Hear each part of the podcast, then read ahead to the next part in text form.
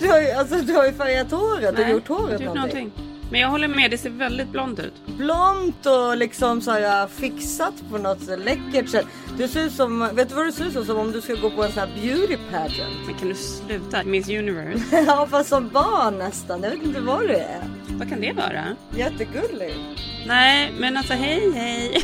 Hej i alla fall. Välkomna till This is beauty. Nej, this is sport. Jag skämtade ju om det in på någon middag på fyllan att så här, alla pratade om vad de var bra på, alla hade så olika saker. Och jag bara, jag har i alla fall tagit Nobelpris i beauty. Ja och i poddning. Du har ju poddat länge. Nej, men att det är det jag har liksom ägnat mycket research-tid till. Bra. Ja, det är bra. Och det håller jag verkligen med om. Det finns ingen som vet och kan så mycket som du när det gäller produkter. Nobelpris i beauty säger jag så kastar jag håret där bakåt. Men det gäller ju poddning också lite kan man ju säga för att du har ju poddat väldigt länge. Poddat sjukt länge. Jag kan inte, jag vet inte så länge det är. Är det typ sju år? Nej, det kan inte jag svara på. Men mig har du poddat i ett och ett halvt år. Innan, sen så hur länge hade du, hur länge hade du liksom break så att säga? Ett halvår, vad blev det? Halvår eller nästan ett år? Ja, men jag har säkert poddat i sju år ändå. Mm, och det är ganska Jag, långt. jag, har, ju- jag har ju bloggat desto längre. Jag har ju alltså bloggat i 15 år. Alltså du har bloggat så länge. Det är helt sjukt. Men, och det, jag men bloggen är ju halvdöd. Men jag tänker alltid att jag typ så, att den, jag vill inte lägga ner den, utan jag har en blogg där på The Way We Play. Har vi någon koll på liksom det här med bloggar? Läser folk bloggar fortfarande? Ja, men jag får ju faktiskt en hel del meddelanden om folk som tycker att det är så tråkigt när min blogg ligger död som den gör just nu. Men, men jag, ska, jag ger er hopp, för jag har en hel lunta med bilder som ligger där och väntar på att liksom läggas upp. Ger inte det dig ångest då om du vet att nej fan nu har jag borde ha, ha på- bloggat? Mm. Men du vet att den är inte heller bara för deras skull, för den är faktiskt väldigt mycket för min egen skull. Du vet ju att jag har ju printat böcker utav alla mina bloggar. Nej men alltså det kommer jag ihåg alltså, och då menar jag inte nu för nå- liksom inom, men just då för typ sju år sedan, då var, eller för tio år sedan menar jag.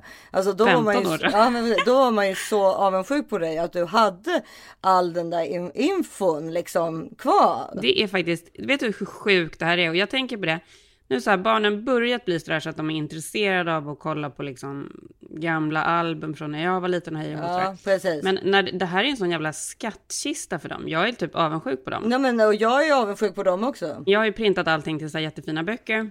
De har liksom från att de, från att de ens innan är födda, så här en kul, glad, pigg mamma som har skrivit så här roligt. För jag, jag, när jag går tillbaka och tittar på den, det är ganska roliga texter. Mycket roliga texter och mycket roliga bilder och så. Ja. Nej, men jag tycker faktiskt Ja det. men och på den tiden var ju blogg så himla happening liksom. Alltså, Mm. alltså det är det jag menar att nu känns det ju lite så här, alltså är det ens någon som liksom går in på en blogg längre? Men det är det Jag tror, inte att det, jag tror inte det är så mycket, men det är nog en del. Liksom. Jag får ju lite siffror, så det finns ju folk som går in, absolut. Jag menar att du säkert gjorde dig mer till då ändå så att säga. Ja, alltså för att det, det var kul. Alltså, alltså det var liksom, ja det var modernare. Nu är det, Ja, det kanske, det. Nu är det kanske så här, ja, jag har, om det jag har en blogg, då skulle det kännas kanske lite, nej jag vet inte. Och jag skulle inte starta en blogg idag om jag inte hade något så här specifikt som jag ville skriva om. Nej precis. Men min- Det, är, det är ju många som startar bloggar ju för att de just så här, till exempel får cancer faktiskt. Men det är mer om en resa. Ja, men det är mer om någon slags resa Precis. liksom. Mm. Men det var ju lite det därför jag startade från första början också. För att vi skulle flytta till New York och föda barn och hej och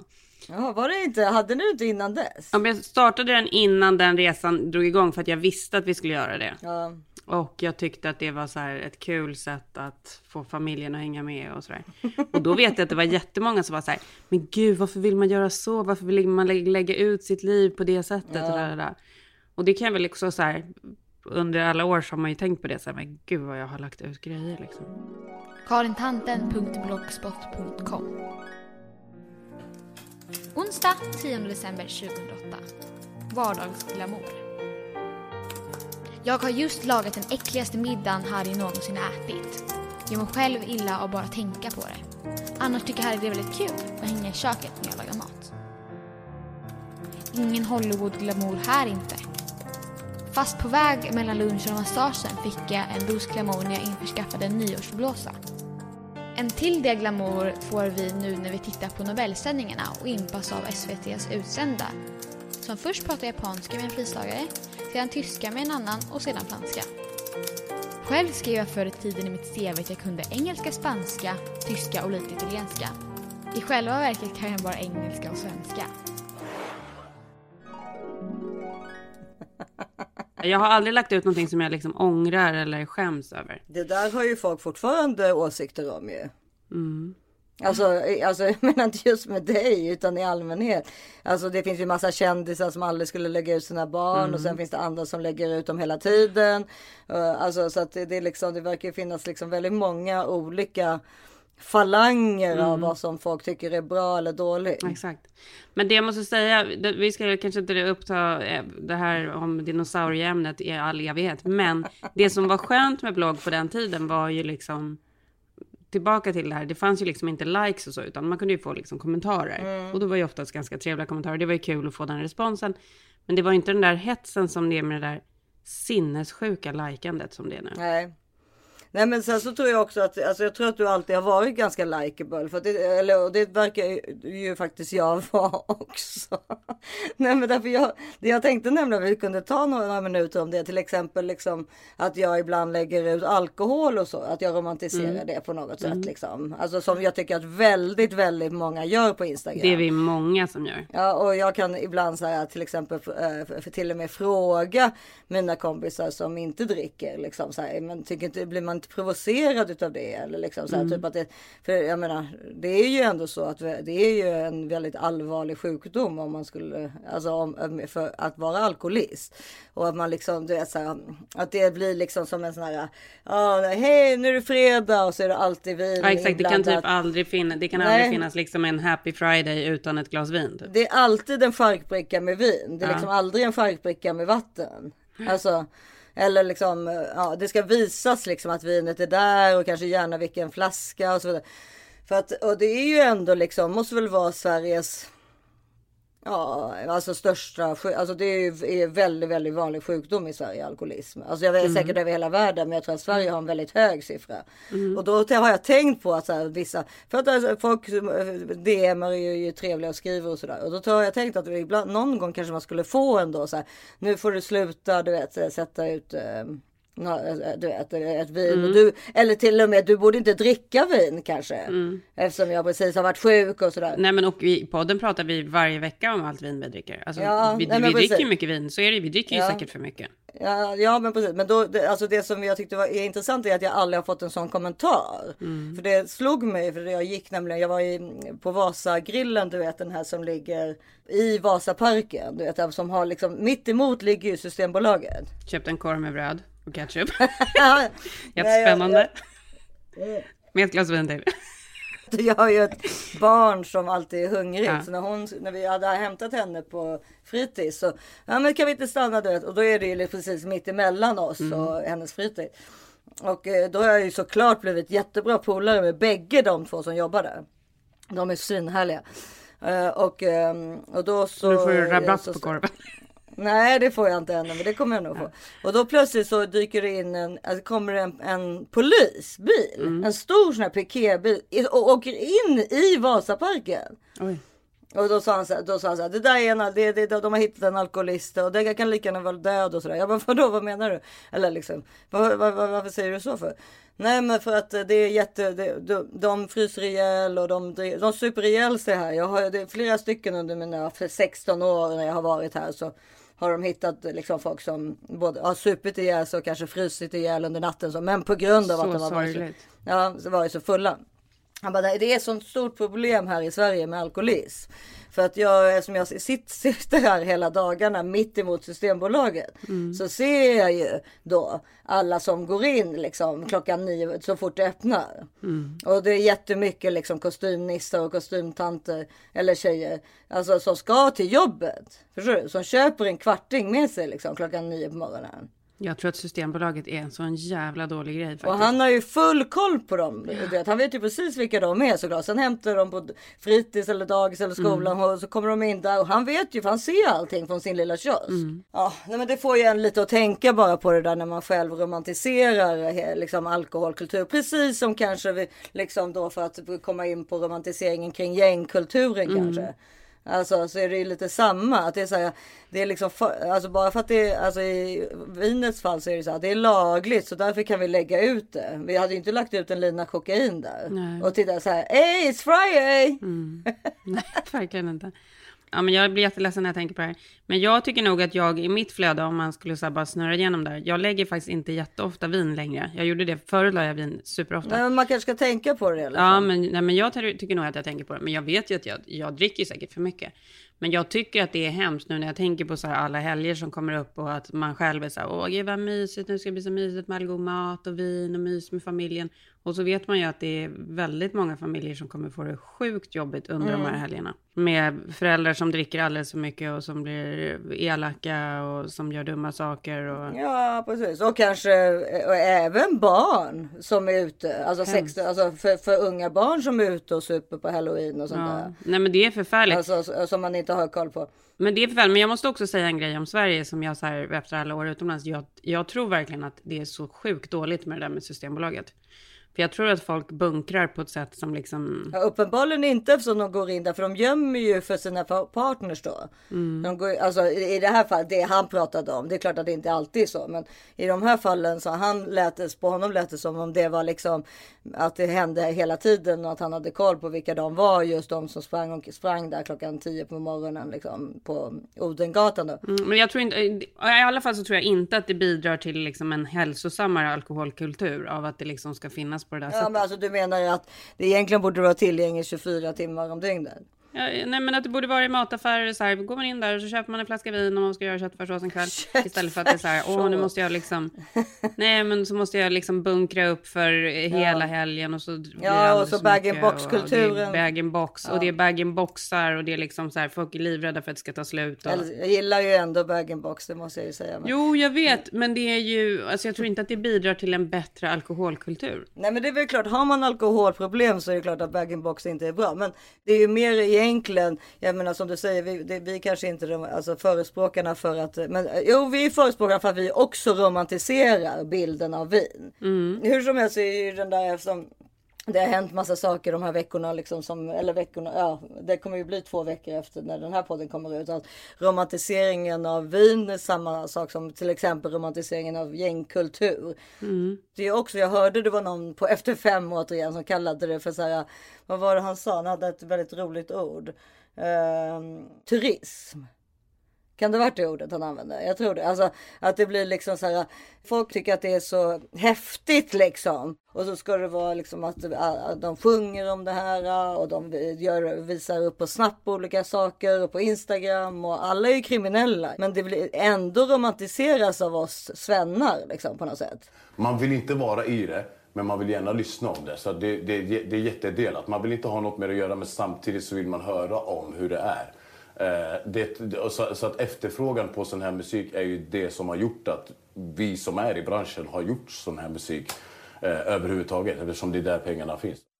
Ja, det hörde vi eh, Alex eh, Ceesay som säger att efterfrågan är så hög. Ja, men det låter ju som att musiken är en form av uh, förortsturism i så fall, om det, det är vad han menar. Nej, men det är jättehemskt. Och nu vissa vuxna kan sitta här och tycka att det är hemskt. Men det är ju också som när vi såg Sökarna, när vi var typ 15. Ja precis. Det är, Eh, eller Då var det ju Paolo. också så här värsta romantiseringen kring det. En av mina kompisar var, ja men en av mina kompisar var tillsammans med Dogge och det var ju liksom när det var så här, hon bodde ute i Alby och alltså det, det var verkligen så här, vi tyckte typ det var så coolt att hänga runt där och så här. Ja. Superläbbigt. Ja. Men idag som vuxen så tycker man ju att det är skitläskigt. Även Stockholmsnatt romantiserades ju jättemycket. Ja. Kungen och Kungsan och så vidare. Och titta hur det har gått för Paolo Roberto så att säga.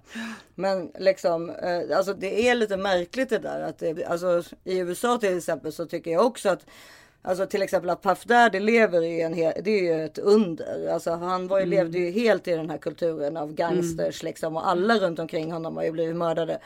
Utom honom och nu har han ju blivit mainstream. Jag tror inte ens han behöver en livvakt längre. Jo, det har han. Tror Absolut. du? Ja, ja. Ja, hundra procent. Ja, kanske. Men, men, men ändå liksom. Alltså det är så här, Men vad är det då? Vad är det liksom så här, har du frågat dina barn? Tycker de att det där är coolt eller? ja, men för det är dit jag lite också ville komma. Att det är så här, jag fann någon så här igenkänning i mordet på Einar med typ när Trump vann. Då, alltså liksom? för, för barnens del. Alltså för att det- både liksom Greta faktiskt som bara är åtta Mm. år och Oggy och liksom lyssnar ju på Einar och lyssnar på alla de där. Det finns ju jättemycket sjukt bra rap ifrån Mm. Sverige. Alltså verkligen.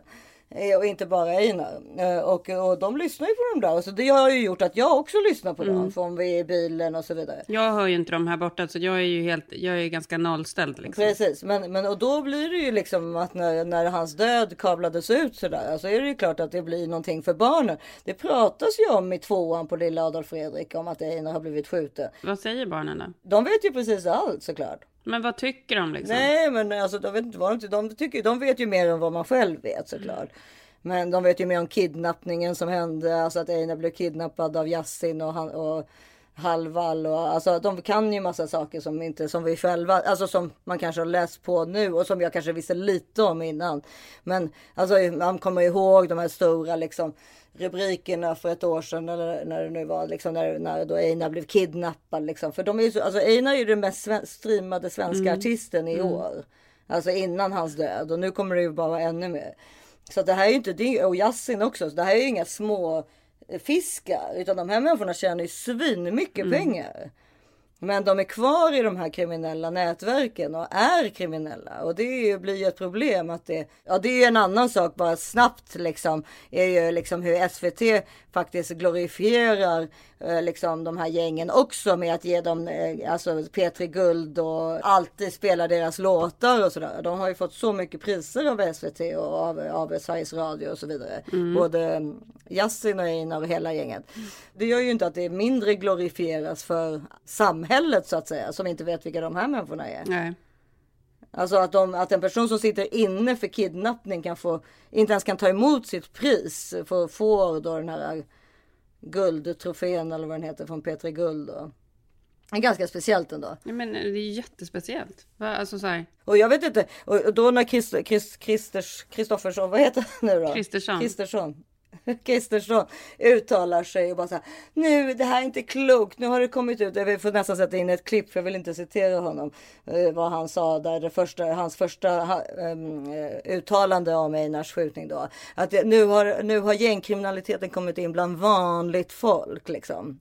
Ja, men lägger man ihop det här mordet med de senaste månadernas skjutningar och mord så kan man säga att det här kan numera drabba vem som helst, var som helst. Det är helt förfärligt. Människor som befinner sig mitt i bostadsområden där helt vanliga familjer bor. Det skapar en extrem otrygghet. Det här är vår tids inhemska terrorism som sprider skräck i bostadsområden. Som om då bara för att man har liksom växt upp och blivit kriminell så skulle man inte vara vanlig då. Alltså, det här menade han ju på bara för att skjutningen skedde i Hammarby sjöstad. Alltså att där var det så flott och vitt ungefär. Medelinkomsten var ner på liksom, ja vad det nu är, men alltså ganska stor. Och sen så var det ju, eh, Löfven verkade inte bry sig överhuvudtaget för han verkar ju ha tappat det totalt. Han var ju så här tragiskt, mycket tragiskt. Ja vi kan ju klippa in det också. Ja, det är naturligtvis tragiskt. Ett, ett ungt liv som släcks och eh, jag förstår också, har förstått att han har betytt mycket för, för många unga människor. Så det, är- det är tragiskt. Eh, ännu ett, ett, liv som släcks och det, det är tragiskt han vet väl inte vad han ska säga. liksom. Nej men det då- kanske ingen vet. Nej, men kanske bättre att säga så då än att säga som Kristersson. Men sen, sen så har, gick ju Kristersson, Kristoffersson. Varför har jag Nej, så problem? Kristersson. Kristersson ut. Det var ju så här moderatstämma i helgen. Då gick han ut och, började, och ljög och sa att, för det är ju vittne, det är ju hovrätts, alltså Yasin och den här Halvall tror jag han heter. Alltså, eh, de sitter ju inne för den här kidnappningen på Einar. Men Einar har ju alltid vägrat att vittna så han eh, kom ju aldrig till tingsrätten. Men de åkte ju dit ändå. Och nu så ska det ju upp till hovrätten här nästa vecka. Och då så, så eh, visste ju alla att Einar aldrig skulle dyka upp. För det, det är ju så här, det, alltså alla, det, det är ju, så gör man ju bara inte. Alltså alla är ju emot mot polisen så att säga. Men eh, då säger Kristersson att ja, ehm, ja, nu skulle han, alltså han ljuger dessutom på moderatstämman. Einar kidnappades förra året, men han ville inte medverka i rättegången. Nu skulle han vittna i hovrätten, men mördarna han före. Signalen till människor som har utsatts för brott eller bevittnat brott är ju helt förfärlig. Du vittnar på egen risk. Det är väldigt konstigt. Alltså, måste ju, han måste ju ha varit felinformerad av någon annan. För att en, en partiledare kan ju inte stå och hitta på någonting. Han måste ju verkligen ha trott det. Nej, men då var det ju så här att de hade tänkt att polisen skulle komma och hämta Einar Mm. så att han blev tvingad. Men jag menar, då skulle ju Einar bara gö- gömt sig. Det är ju så Mm. här, alltså det har han ju gjort i flera år för alltså att han hade ju ett pris på sitt huvud och på ta, alltså för att, vi, att, att ha ett pris på sitt huvud. Alltså det är ju det där. Det kan man ju prata om att leva under den stressen. När man är typ väldigt ung. Måste ju vara så. Alltså jag förstår inte. Kommer du ihåg när var det inte vittne till mord? Det fanns någon film som hette så. Det känns som att det finns många filmer. Var inte det Robert De Niro? Det var den med Michelle? Pfeiffer. Ja, jag kommer inte ihåg. Men hur som helst det där att sä- säg att du vittnar. Säg att du var vittne till Einar-mordet då till exempel. Mm. Du stod där och så. Nu var ju de maskerade förstås, men ändå. Det finns ju massa vittnen. Mm. Ja, vågar du vittna liksom? Jag skulle aldrig våga vittna. Jag, har inte, jag, har inte, jag är inte tillräckligt eh, moral. Alltså jag, har inte, jag är för feg. Nej, men så här, som fyrabarnsmamma, det är ju absolut, jag håller med dig. Jättesvårt. Vågar man? Jag är så feg när det gäller sånt där. Tänk om, Nej, men jag men det är ju inte att man är feg, utan det är ju Jo. att man är rädd för att liksom... I mitt fall är det för att jag är feg. Ja, men man vill ju inte att ens barn ska bli föräldralösa. Nej, men det, det har ju med till exempel politiker och allt sånt där att göra. Att det är här, folk som vågar sig ut och göra sådana där saker. Att eh, ja, vara ute i liksom allmänheten och våga säga saker och tycka saker.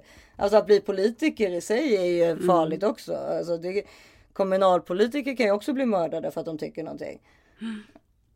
Ja, för Einar hade ju också nästan alltid skottsäkerhetsväst på sig ju, men det är inte den här kvällen. Men vad är det här för jävla fucking samhälle? Jag blir så jävla, alltså jag blir mörkrädd. Ja, det är lite läskigt. Och då så Men idag... lite läskigt, det är ju helt sjukt obehagligt. Och det är ju också en mamma och en pappa som har förlorat ett barn. Men det är inte det första. Alltså, Nej men det är jättehemskt. Jag tänker på den där andra hemska skjutningen med den där lilla flickan som blev skjuten förra året. ja men precis. Och det var Som ju bara också... råkade vara i the line of fire, Ja, hon, råkade, hon, var på väg, hon var på väg till McDonalds var det väl. Eh, hon var ju 12 år. Men, men eh, ja, nej, men det är ju väldigt precis. Det är, ju- och jag, både du och jag är egentligen för dåligt insatta för att eh, prata riktigt mycket om, om det här såklart. Alltså, tyvärr. Alltså, man, men, alltså, jag har aldrig pratat med en gängmedlem till exempel. Alltså en riktig gängmedlem. Jag trodde du hade någon här nu som vi skulle ringa upp. Ja men jag wish. Men alltså jag hade ju när jag var mindre så hade jag ju så här, kände jag ju ganska liksom lite småfarliga typer liksom som hade ofta kopplingar till Black Army och sånt där ja, liksom. men på den tiden var ju Black Army och Blue Saint, alltså AIK och Djurgårdens hejaklackar mycket farligare än nu på något sätt liksom. Men, men nu, nu för tiden Nej, känner jag inga sådana. Men, då, det måste, men det ska jag faktiskt säga att på tal om vittna så blev jag ju faktiskt misshandlad en gång på Sturecompagniet. Mm, vad hände? Ja, av en person som var ganska farlig. Vad var det som hände? Eh, så står jag och dansar, vilket också var otippat, för det brukade jag nog inte göra. Jag stod snarare och shottade skulle jag tro, men jag dansade i alla fall och då kom en kille som var lite småfarlig, som var intresserad av mig liksom. Eh, och eh, då slog han ner, eller först så drog han i mig på något sätt och slog mig, fast inte så hårt. Det var inte så att jag hade, men sen slog han ner den här killen. Charmigt. Den här killen jag dansade med. Och då eh, gick det bara, det här var på en lördag, på måndagen ringer polisen. Och frågar för jag kan komma och vittna. Och då förstod jag ju hur farlig han var. Eller komma på förhör. För jag menar du vet en liten misshandel på Stureplan en lördagkväll. Det händer ju liksom Ja, det händer ju titt som tätt. Alltså det måste ju Ja. vara flera, det måste ju vara flera i timmen. Varje helg. Ja, och då förstod jag ju att han var jävligt farlig. Så då bestämde jag ju mig för att liksom, äh, det här är nog lika bra att säga att jag inte kommer ihåg någonting. Så redan då var jag så feg. Ja, och vilket jag då gjorde. Sen fick jag, till, det var när jag bodde i USA, i Washington, som jag faktiskt har gjort en gång i tiden. Fick jag ändå då vittna. Alltså per telefon. Eh, och då jag bara, jag vet inte, jag vet inte, Nej, kommer inte ihåg. Kommer inte ihåg. Jag bara, jag låtsas. Men eh, eh, ja. Ja, därför att jag, jag vågade ingenting annat. Men och då kan man ju förstå hur rädda folk är som har riktiga mordhot. Alltså jag hade ju inte blivit Nej men, det är, efter- nej men alltså det är så här, ja, jag förstår 100 procent. För då, är så här, då måste du vara beredd att ge upp hela ditt liv. Skaffa liksom en hemlig identitet, flytta, fly landet. Um, alltså det är, ju, det är ju därför det finns organiserad brottslighet och det är därför det finns massa typer som håller på så här. För att de kan hållas.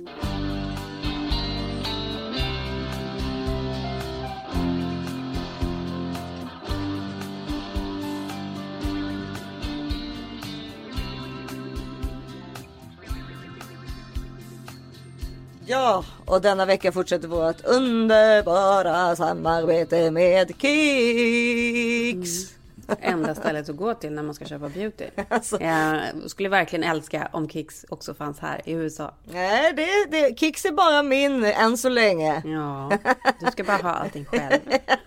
Nej, men det, Kicks har ju ett otroligt brett sortiment och det, så är det ju bara. Men Men alltså det kompletta sortimentet. Ja. Vad jag än behöver så hittar jag det på Kicks. Det är Ja. det första jag gör. Det har jag sagt flera gånger. Första jag gör när jag kommer. Ja. Jag gör det till och med innan jag ens har åkt härifrån. ja, det Så har du faktiskt berättat redan. skickar jag, beställer jag ett paket med Ja. alla grejer jag behöver. Nej, men det är fantastiskt. Och nu när man också har väldigt mycket dåligt samvete över miljö och vilka val man gör och etc.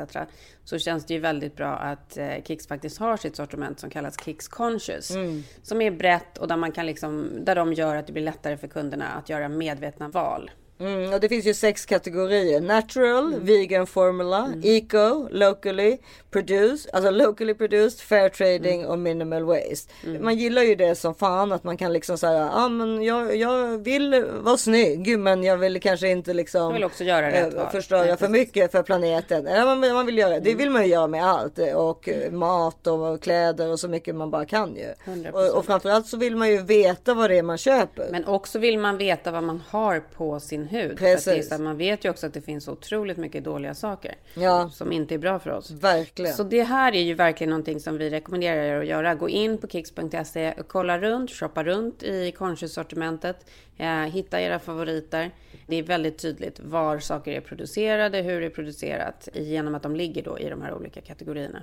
Ja, man kan ju hitta allt ifrån en jättebra ansiktskräm till ett serum, till en olja till håret, till schampo till, eh, som då är inom den här eh, Kicks Conscious sortimentet. Och det är också intressant för man kan ju lära sig saker som man inte visste om till exempel. Så att det, man ska verkligen gå in på kicks.se eh, slash conscious för att titta, shoppa och lära sig lite mer om allt det här. Det ska ni absolut göra. Puss och kram!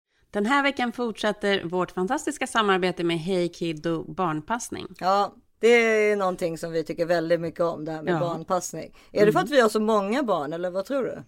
Mm, Men alltså så här, egentligen behöver du väl barnpassning oavsett om du har ett eller tre barn. Eller fyra? Ja, för det är så här, när du väl ska göra någonting så behöver ju det där barnet passning. Det spelar ingen roll hur många du har. Nej. Det handlar om att liksom ge sig själv lite tid och utrymme för att kunna göra andra saker. Och det som är så sjukt genialt med Hey Kiddo är att man kan vara lite spontan. Jag har ju hjälp här med städning eh, två gånger i veckan och då hjälper ju hon också mig med Ellie och, och lite annat om jag behöver få lite tid till att göra andra saker. Men då är det ju de fasta dagarna alltid. Har jag någonting helt plötsligt som dyker upp en onsdag att jag vill göra någonting så måste jag ju försöka leta barnvakt och, och det blir ofta ganska struligt och massa saker som inte funkar. Så att jag får ju oftast ta med mig Ellie på, på det ena och det andra. Ja, nej men det, Det är ganska skönt om man liksom hittar ett sätt att kunna lösa det omedelbart. Ja men precis, det är så för att veta liksom att om man eh, är någonstans och så plötsligt förstår man så här, nej det, men nu vill jag vara kvar, det här är svintrevligt. Men då ringer man bara in Hej Kiddo och så är, är det inget problem. Då hämtar de på fritids eller förskola eller om man till exempel vill gå på en date night och gå på bio plötsligt med sin man, för det har man ju inte fått göra på typ ett och ett halvt år.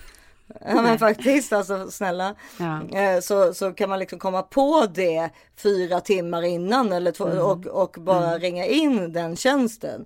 Och det är ju otroligt härligt. Och, alltså, jag vet inte hur det är med dig, men jag kan nästan aldrig bestämma mig långt i förväg. Utan jag gillar det där spontana. Då blir det oftast härligast tycker jag. Ja, nej men det är skönt- nej men alltså, jag kan inte räkna på handen hur ofta jag måste säga nej till det ena och det andra för att jag liksom inte har hunnit Ja men precis. göra någon plan. Nej, och alla nannies är också säkerhetsutbildade och strävar alltid att göra liksom deras eh, träff, deras date night kan man väl kalla det med barnen så roliga som möjligt. Ja, och det är ofta roligare för barnen också att vara med en kul nanny än, som gör det roligt för dem än att vara med liksom en sur stressad mamma. Ja men äh, framförallt en sur stressad mamma och pappa som är jättearga för att de inte fick gå på bio. Precis så. Så, men gå in på heykiddo.se Och det otroliga här då, om ni använder vår rabattkod POD3, P-O-D-D-3, så får ni tre timmars fri barnpassning. Alltså tre timmar, det är sån lyx så att det var det liksom, är det verkligen sant? Ja, men det, kan, låter helt ja, otroligt. du hinner gå på bio. Ja, och eh, det här kostar alltså bara i vanliga fall då annars från endast 135 kronor i timmen efter utavdrag. Alltså det är helt otroliga priser. Ja det är väldigt billigt. Ja, så att det är bara gå in och kör hejkiddo.se och unna er någonting riktigt härligt. Gör det.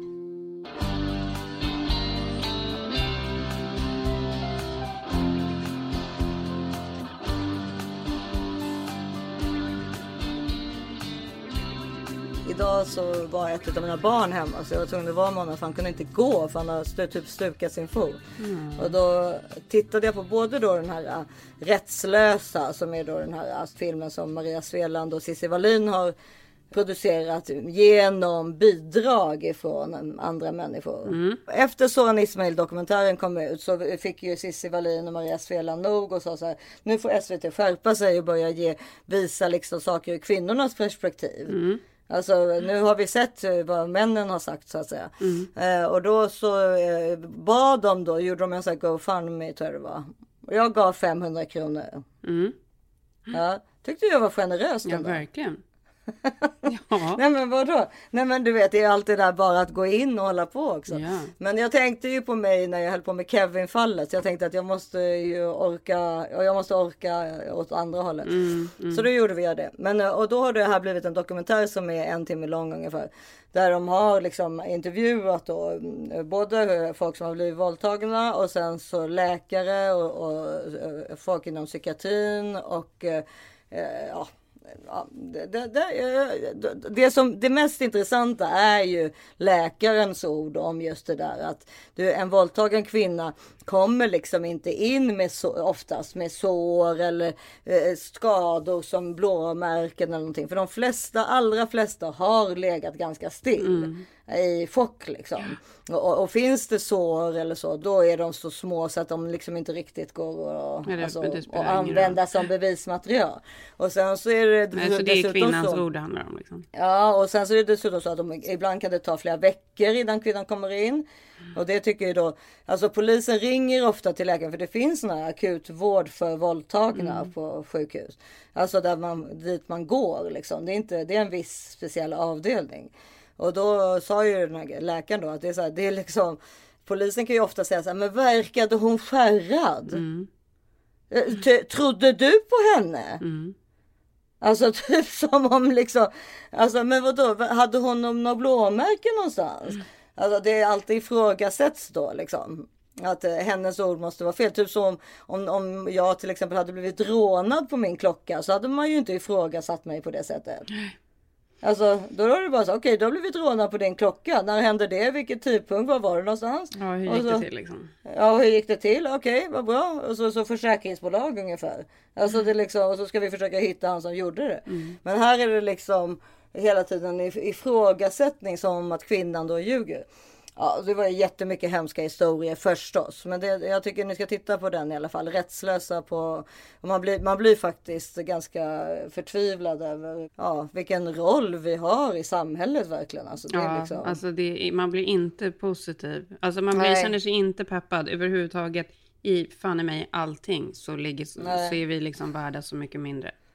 Ja, och då vill jag gå direkt in på då när jag, för då är direkt efter den tittade jag då på en, eh, en person som jag inte visste ens att jag hade saknat. Men så, vad hände med Gina Dirawi? Heter dokumentären. Är det en ny dokumentär eller en gammal? Nej, jag, det vet jag faktiskt inte. Jag Men- bara klickade på den för jag tyckte jag såg, för det stod också så här, vad tog hon vägen? Alltså man såg så här, vissa saker som det stod. Ja, liksom för förut så var hon överallt och helt plötsligt så hör man Ja ingenting. men precis. Ja och då är bara, har det ju varit samma där då. Att hon på grund av, alltså för hon började ju då som liksom 20-åring och slog igenom på Youtube. Med oftast ganska så här, alltså hon är muslim själv och hon kommer från en jättestor muslimsk familj som bor i Sverige. Och, men liksom hon, hon körde ganska mycket så här skämt om muslimer och sådär. Och sen, sen så fick hon ju, liksom, ja jag tror hon castade, alltså de hittade henne på något sätt och så typ, typ eh, tog in henne som en helt okänd på Melodifestivalen för att hon hade gjort så roliga sketcher. Tror jag. Alltså, och sen och hon, direkt så fick hon liksom mordhot och en hotbild på sig. Vad var den hotbilden ifrån då? Ja men det var både från svenskar och från muslimer. Alltså, de, alltså svenska muslimer. Ja men och, och i, i slut, sista melodifestivalen hon gjorde, jag tror hon gjorde två eller om det kanske var tre. Då fick hon ha, hade hon ju liksom fyra eh, pol, Säpo-polis, alltså Säpo-livvakter som följde henne vart hon än gick. Hon Jag kunde, kommer alltså, ihåg på- det, att, jag kommer ihåg att, jag- att man läste det i så kvällspressen, att det, det stod mycket om det då. Det minns jag verkligen. Det är liksom helt sjukt. Vad kan hon ha varit då? 30 år gammal eller? Nej, nej, inte ens. Jag skulle säga att hon är 30 nu. Alltså 27, ja, 26. Alltså det här är 2016 tror jag hon gjorde sin sista. Och sen blev hon ju julvärd. Och då var ju då bägaren rann över för svennebananerna. Mm, det klarade de inte av. Nej, det klarade de inte av. Och hon är, hon är så himla gullig. Hon är så, alltså hon är så liksom liten och harmlös och söt och charmig och rolig och ödmjuk. Och hon har så, känns som om hon har så otroligt mycket fina egenskaper. Så sen blev hon då bortskrämd eller? Hon orkade inte mera med den där offentligheten eller? Ja, det verkar som det. För jag, jag förstod aldrig riktigt. eh, Alltså, jag vet inte vad hon gör idag. Men, men, Nej, vänta, vi ska, vi ska kolla om hon finns på Instagram. Vi måste se. Alltså ja, hon, hon, hon, har- det är klart, vem orkar? Det är ju det jag menar. Nej, det, det, vem då- orkar? Det blir Det är väl, väl ingen som orkar. Där blir väl cirkeln sluten. Att vem, det är inte värt att vara programledare i tv och, och samtidigt behöva gå med fyra livvakter. Nej, det inte. Men det här är intressant Issa. Hennes senaste in- inlägg är från Nepal.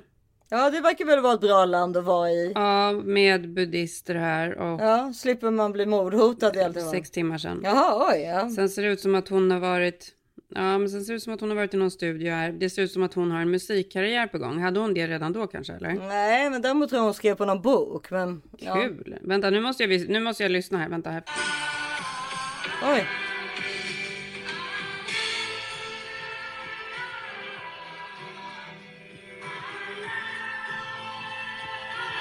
Det här är, det här är en live-föreställning. Det var ju det som var, för jag tror att det var Melodifestivalen 2016. Då var ju hon ju... Vänta, ursäkta. Då var ju hon, Fingret program- levde sitt då egna var liv. ju hon programledare med Sarah Dawn Finer och Helena Bergström. Mm.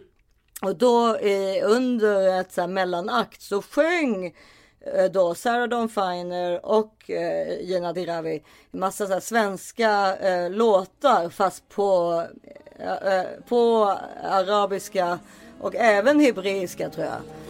Eh, att man blandade det liksom. Och de slutar med Du gamla, du fria.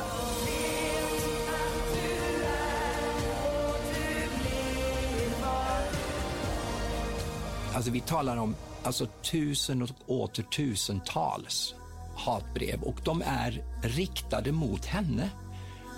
Inte mot Sarah, inte mot Jon Henrik, inte mot någon annan, bara mot Gina. Så det är någonting med henne som triggar igång människor, en viss typ av människor. Fan vad man skulle vilja sätta sig och prata med de gubbarna som har hotat. Ja. Det förstår man ju att det är gubbar. Det är väl klart. Det är inga kvinnor som har suttit och hotat. Nej. Alltså man ska bara rada upp de där gubbarna och bara få ett så här samtal, en gruppterapi och bara vad, vad är det som de har gjort, blivit så upprörda över? Vad är det de inte liksom kan hålla inom sig själva? Nej men och sen är det ju så när man ser henne. Du, du måste titta på den här dokumentären. För då Ja. inser man ju också hur mycket man längtar efter henne. För att hon, vilken jävla talang. Mm. Alltså det är inte så ofta det kommer upp sådana där talanger i Sverige. Så när man ser direkt så, hon är gjord för tv. Mm, men nu, nu, jag måste faktiskt berätta här att jag ville bara rulla vidare i hennes flöde. Jag tror att det är en ganska stor musikkarriär på gång. Ja, hoppas det. För hon får inte försvinna. För att det var, eller, men, alltså, för det var ju också det där att hon var så... Hon, hon var eh, bland annat så liksom tog ju Torsten Flink henne på rumpan i direktsändning. Ja, det kommer jag ihåg. Ja, men precis. Och hon, du vet, hon tar Vad är det för jävla människor som gör sådana saker? Alltså, det- igen, alltså, de här jävla Torsten gubbarna. Flink- Sätt de där jävla gubbarna i en cirkel Ja. och låt dem berätta om vad fan de Ja, på men med. Torsten Flink kan vi väl kanske i och för sig... Ja, jag vet inte. Alltså, jag menar... Nej. Förlåt, men... Jag, jag skulle ju ifrågasätta varenda en av de där jävla gubbarna. Vad, de, vad är de håller på med, vad de tror, hur de tror att de kan bete sig, hur de tror att de kan liksom... Ja, nej, nej, men och det var inte klokt. Jag tror han skämdes direkt efter han hade gjort det också. Det såg faktiskt ut som det om jag får försvara honom för en sekund. Men, men hon tog det ju så bra. För hon bara oj, och jag hoppas inte pappa såg det där. Mm. Eh, eh, eh, alltså hon, och, det är också, så- hon var ju en newbie. Jämfört med alla, alltså att kunna så här, vara så Ja, ja otro, en otrolig karaktär som var jag liksom verkligen, ja, som man önskar man kunde få se på svensk tv. Som Per Lernström säger från Idol. Hon var ju sidekick åt honom under en säsong. Liksom. Ja. Att eh, hon, han bara, jag, har ju liksom jobbat med som programledare i 15 år. Jag har aldrig blivit mordhotad. Vem blir det? Alltså, men hon blev det liksom dagligen och det var i tusentals då efter de här sångerna och sådär. Jag skäms Det- å de där männens Ja. vägnar. Vad Ja. är det för jävla idioter? Ja. Jag skäms när jag tänker på det. Nej, men så det är ett, i alla fall ett tv-tips att titta på det. Vad hände med Gina Dirawi?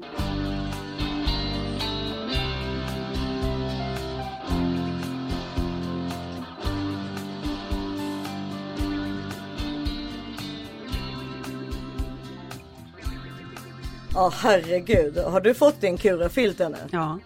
Jag har inte beställt filten, jag har beställt täcket. Jaha, nej, ja, för den här Men vill vi ens dela med oss av det här?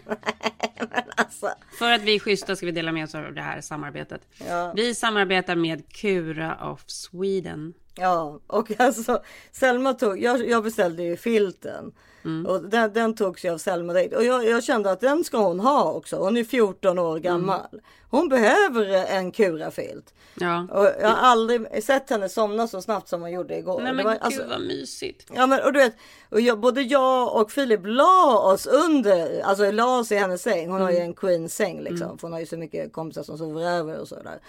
Då, så, så hon har ju en stor säng. Och då, la vi oss och bara, nej men vi går inte härifrån. Det gör vi bara inte. Ni låg där med henne. Ville hon Alltså- att ni skulle ligga där med henne och tänka? Nej det är klart hon inte vill. Hon bara ut, ut, det är min filt. Ja, så att, eh, ja, jag ska beställa en till. För det det här handlar om då är tyngdtecken. Alltså det är någonting som Mm. jag inte ens kände till för typ fem år sedan kanske. Tror inte det fanns. Nej, det kanske, jo, men det måste ha funnits innan dess. Men jag, för mig kom det som en chock att det fanns. Och det var faktiskt Harry som berättade för mig för några år sedan att han så här, kan inte du köpa ett tyngdtäcke till mig? Så köpte jag någon amerikansk variant. Eh, och han har absolut aldrig kunnat sova utan tyngdtäcke. Och sen så har liksom hela familjen blivit tyngdtäckebesatta. Mm. Och Cura of Sweden är ju lite så här den kungliga hovleverantören nästan. De är liksom bäst i världen på att göra tyngdtäcken. Ja, nej, men verkligen Karin. Men 9 av 10 upplever ju bättre sömnkvalitet och ökad avslappning med Curatäcket. Och det har just nu också 30 nätters nöjd kundgaranti på alla deras tyngdtäcken. Ja, så man kan ligga alltså och prova i typ en månad. Ja, det är perfekt. Så om du inte är nöjd så får du pengarna tillbaka. Så säkra är det på att alla kommer älska deras tecken. Ja, nej men alltså så här, det här är bergsäkert. Men det är ju också så här skönhetssömnen som Ja. vi ofta pratar om. Som man, alltså som, det är svårt att få till liksom. Det här är ett sätt att få till det. Men sömnen är ju liksom all, det spelar så otroligt stor roll för vårt välmående och för vår hy. Vi som pratar så mycket om beauty. Ja, det går ju att se på en gång om man haft en dålig natt. Ja. Det visar sig på en gång i ansiktet. Det påverkar ju kroppens hormoniella balans, vilket i sin tur påverkar huden negativt. Även kollagenproduktionen kan påverkas negativt av för lite sömn och leda till att huden åldras snabbare. Det vill vi icke. Nej. Men det här kanske alltså är världens bästa skönhetstips. Ja, nej, men Det här exakt. kanske är beautytipset att skaffa ett sånt här täcke. Ja, men det är det. Ja. Eh, som sagt, jag la ju mig där och ville aldrig Mm. lämna Selmas säng. Så att jag säger bara gå in och titta och de har både filtar och tecken. Mm. Eh, alltså dumtecken, alltså all, alla möjliga saker. Man måste nästan gå in och titta Mm. själv. Jag fick en härlig liten ansiktsmask också med på köpet. Nej, den fick inte jag. Nej, men Issa, alltså det här var faktiskt det mysigaste. Du vet, som en sån här ögonbindel som man kan Ja! ha. Fast det är tyngd i den. Förstår du? Åh! Fan? Så att det tynger ner lite på ögonen. Så Jag som har så ont i huvudet, jag behöver ju verkligen det. Men det, man ska i alla fall gå in och titta på kuraofsweden.com, alltså kura med C-U-R-A av sweden.com. Och med koden this is 25 Ja. Vi blev Alltså- 25 nu med tecken. Det, nej men det som alltså Karin och jag tror att vi är. Mm. Alltså this is 25 så får ni då 25% rabatt. Och, och framförallt så kommer vi ju känna oss som 25 nu när vi har Underbart. fått våra kuratecken. Det är helt underbart. Testa i 30 dagar och se om ni gillar det. Vi vet att ni kommer gilla Ja. det. Gå in på kuraofsweden.com. Gör det bara. Hej hej!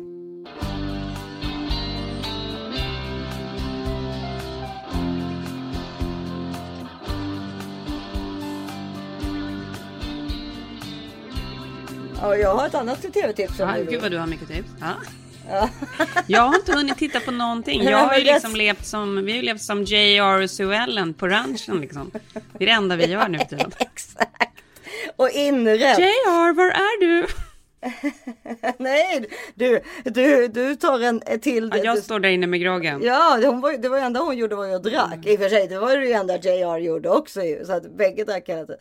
Nej men det är ju Kastanjemannen. Ja, kastanjemannen. Har du sett den eller? Jag har inte sett. Ber- Berätta då, vad är det? Ja men det är en dansserie, men se den för guds skull på engelska. För för att det, jag tycker att det är för jobbigt att se den på danska. Men då är det ju text. Alltså, jag... jag- såg den där andra danska grejen som jag tipsade om för några veckor sedan. Den här som låg på SVT om hon misshandlade kvinnan. Vargen Ja. kommer. Jag tyckte den var bra att se på danska.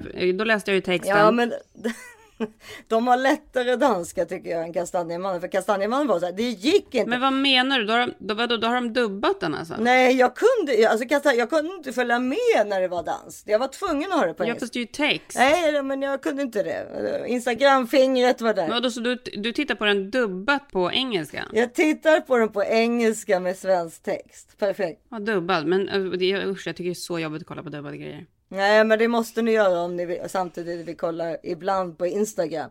För att Kastanjemannen är så intressant. Ja. Så att man, man måste göra det. Alltså förstår du?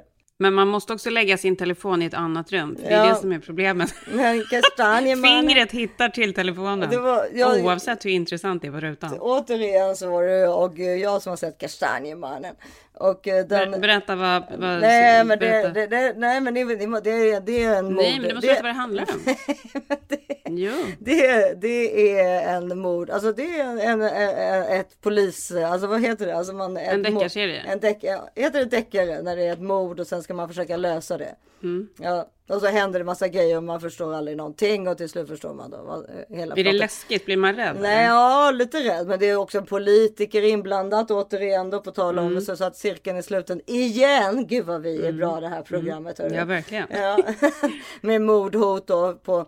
Det är en politikers dotter som försvinner och sen så är det en man som tar på sig ansvaret och man hittar blod ifrån dotterns eh, ja, det, blod. Alltså man vet att det är han som har gjort det för man hittar vapnet och så vidare. Men man har aldrig hittat kroppen.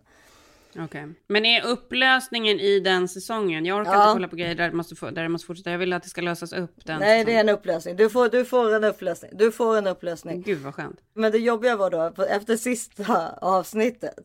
Ja, då, var man, alltså, då hade man ju lite hjärtklappning Mm. och sådär. Och så gick, man och, gick jag och la mig och sådär. Sen så hade jag på mig mina nya, du vet de här Prada-skorna som jag är så stolt Mm. över. De här som, ja, samma som Chris Jenner har. Gick och la dig med dem på? Nej, nästa dag. Ja, okej. Så gick, var jag ute med hundarna. jag hade kunnat eh, i och för sig lägga mig med dem för så, så härliga är de. Men, men då gick jag ut med hundarna. Och, eh, och de har ju så väldigt stor sula. Mm. Ja, Sa, sa jag att Chris Jenner har, har likadana eller? Ja. Ja, du Jag ville bara att- du det. skulle höra det igen. Ja, okej. Ja. För när jag kom Vad är det den här, det, såna här, de kallas Chelsea boots va? Det är så att alla stora märken har det är ju sin typ modell. som Dr. Martins Ja, men det boots, kallas, typ. det kallas Chelsea boots. Alla, Ja. alla märken har sin modell nu. Jag var så jävla nöjd för när jag kom in på Tennstopet grill eh, Mm. och skulle äta lunch med Oggy här om veckan, eller i fredags. Då, då så både, båda hov, hovisarna som du vet vilka bägge är, Jorun och Åsa då. De Mm. var, ah du har samma skor som Chris Jenner! Jag kände ja, mig som en Åh, jag älskar Jorun. jag kände mig Ja. som en, en influencer. Äntligen händer det. Men, ja, men eh, så de hade koll på det.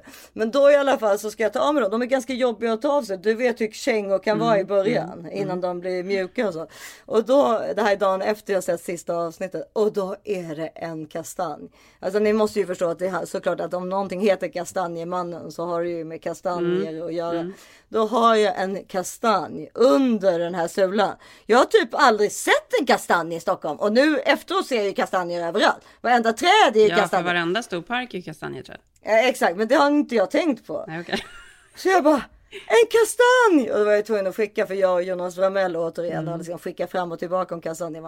Jag bara kolla, jag vet, han, han ringde ju direkt i panik. Han, han fick ju panik också. Han trodde jag skulle bli mördad. Ja, han var ute efter er. Ja, nu, nu kommer du bli mördad. Nu Ja. blir du mördad.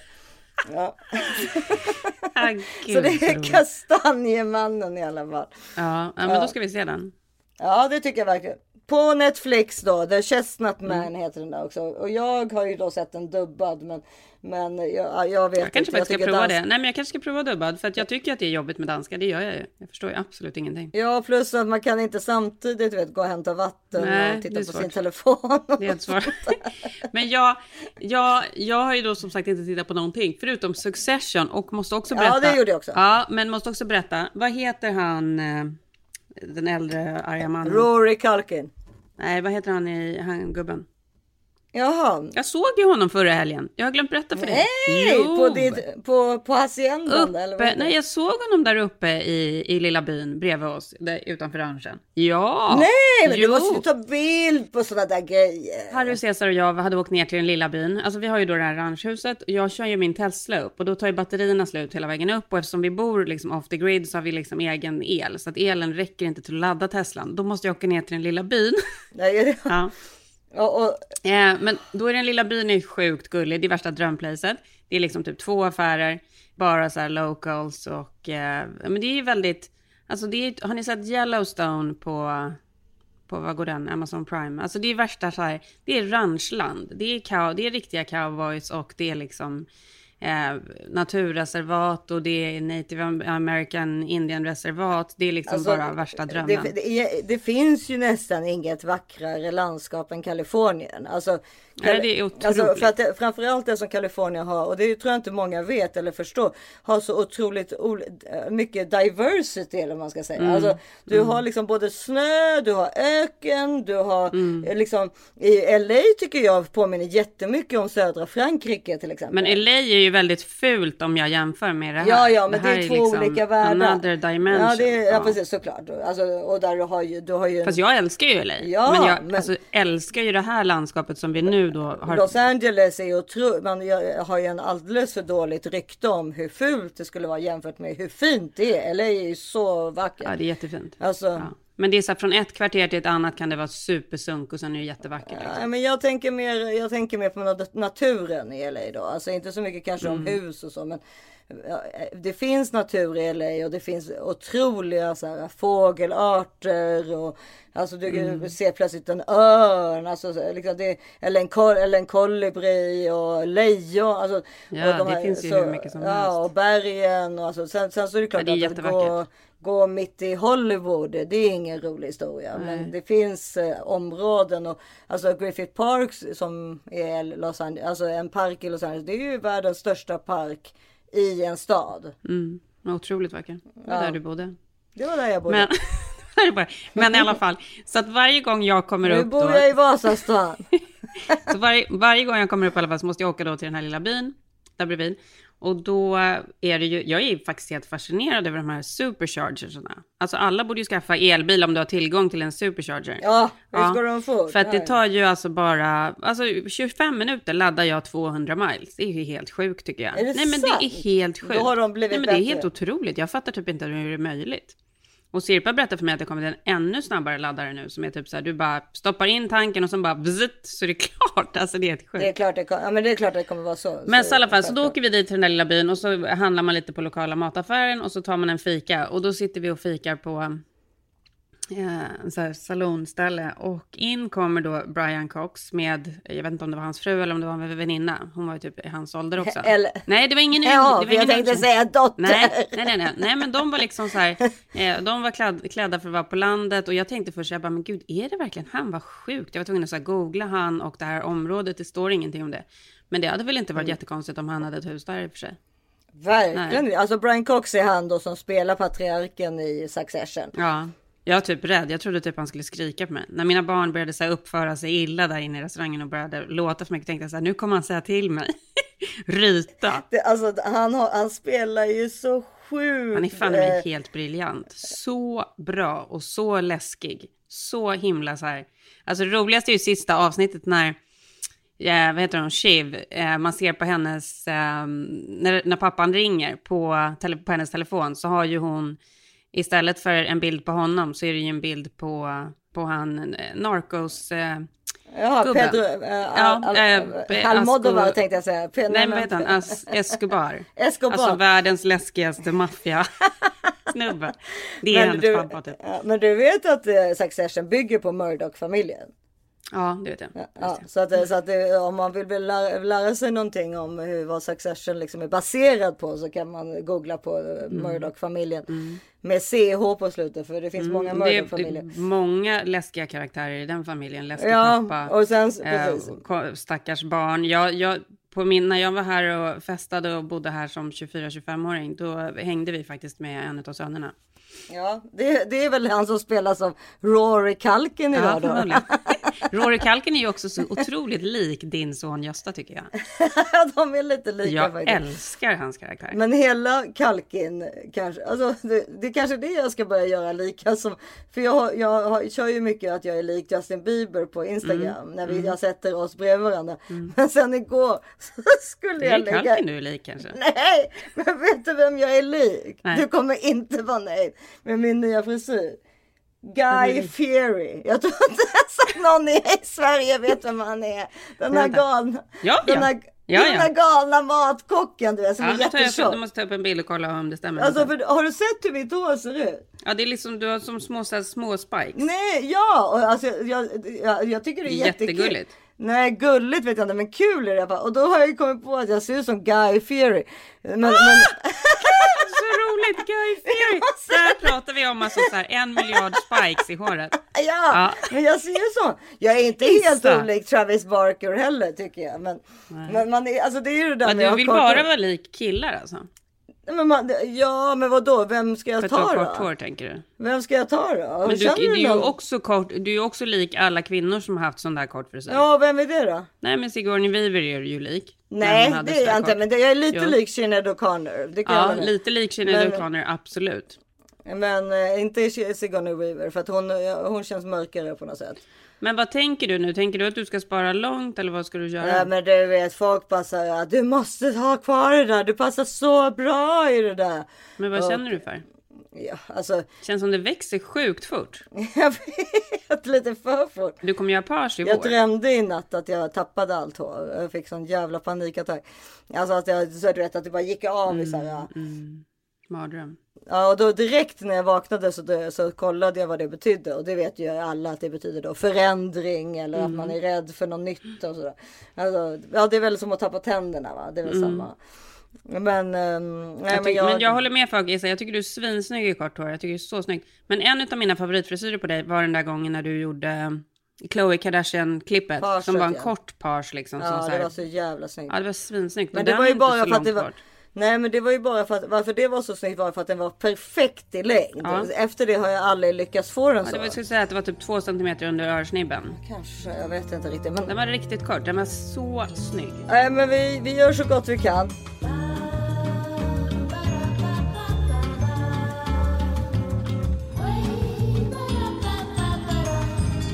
Nu är det beauty! Ja, eh, och nu ska jag tipsa om en grej som jag har tipsat alla jag känner om här också. Eh, som kostar lite, men som är det absolut snyggaste, bästa jag har hittat i Råsväg. Som är då från Westman Atelier, det är Gucci Westman. De har sitt egna märke. Hon är från Sverige så att ni vet det. Ja, eh, det är inte ett artistnamn utan hon heter så. Ja. Gucci Westman. Hon är från Göteborg Eh, och då hon är liksom eh, Gwyneth Paltrows favorit eh, sminkkompis såklart. Eller alla kändisarnas sminkkompis. Men hon har sin egna line och hon har mycket grejer som har så här highlight i. Eh, och då har hon ett highlighter rouge.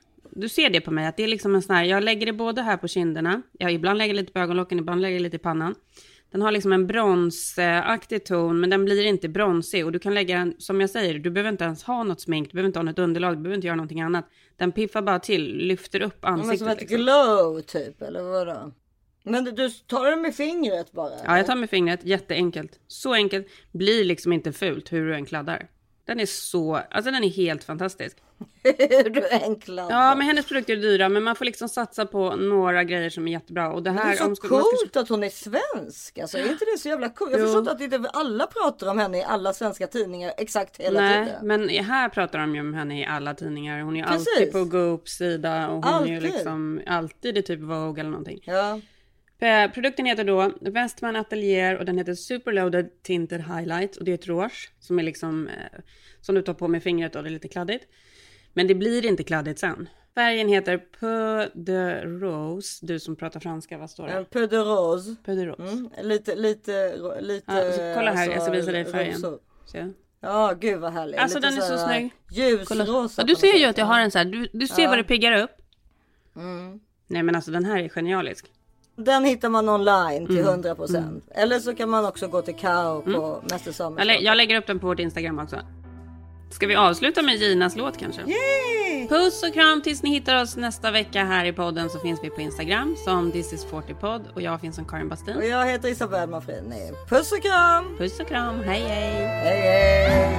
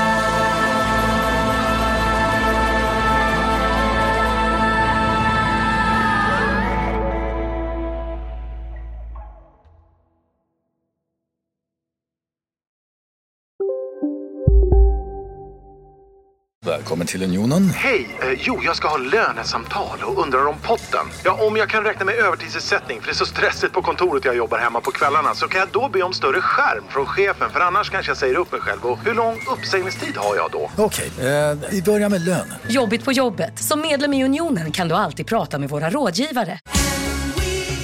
Just nu till alla hemmafixare som gillar Julas låga priser. Ett borr och bitset i 70 delar för snurriga 249 kronor. Inget kan stoppa dig nu. Om en sous vide är på väg till dig för att du hörde en kollega prata om det och du råkade ljuga om att du också hade en och att den var så himla bra att maten blev så otroligt god och innan du visste ordet av hade du bjudit hem kollegan på middag nästa helg för att du sålt in din lågtempererade stek så bra att du var tvungen att beställa en på nätet fort som attan. Och ja! Då finns det i alla fall flera smarta sätt att beställa hem din sous vide på. Som till våra paketboxar, placerade på en plats nära dig och tillgängliga dygnet runt. Hälsningar Postnord.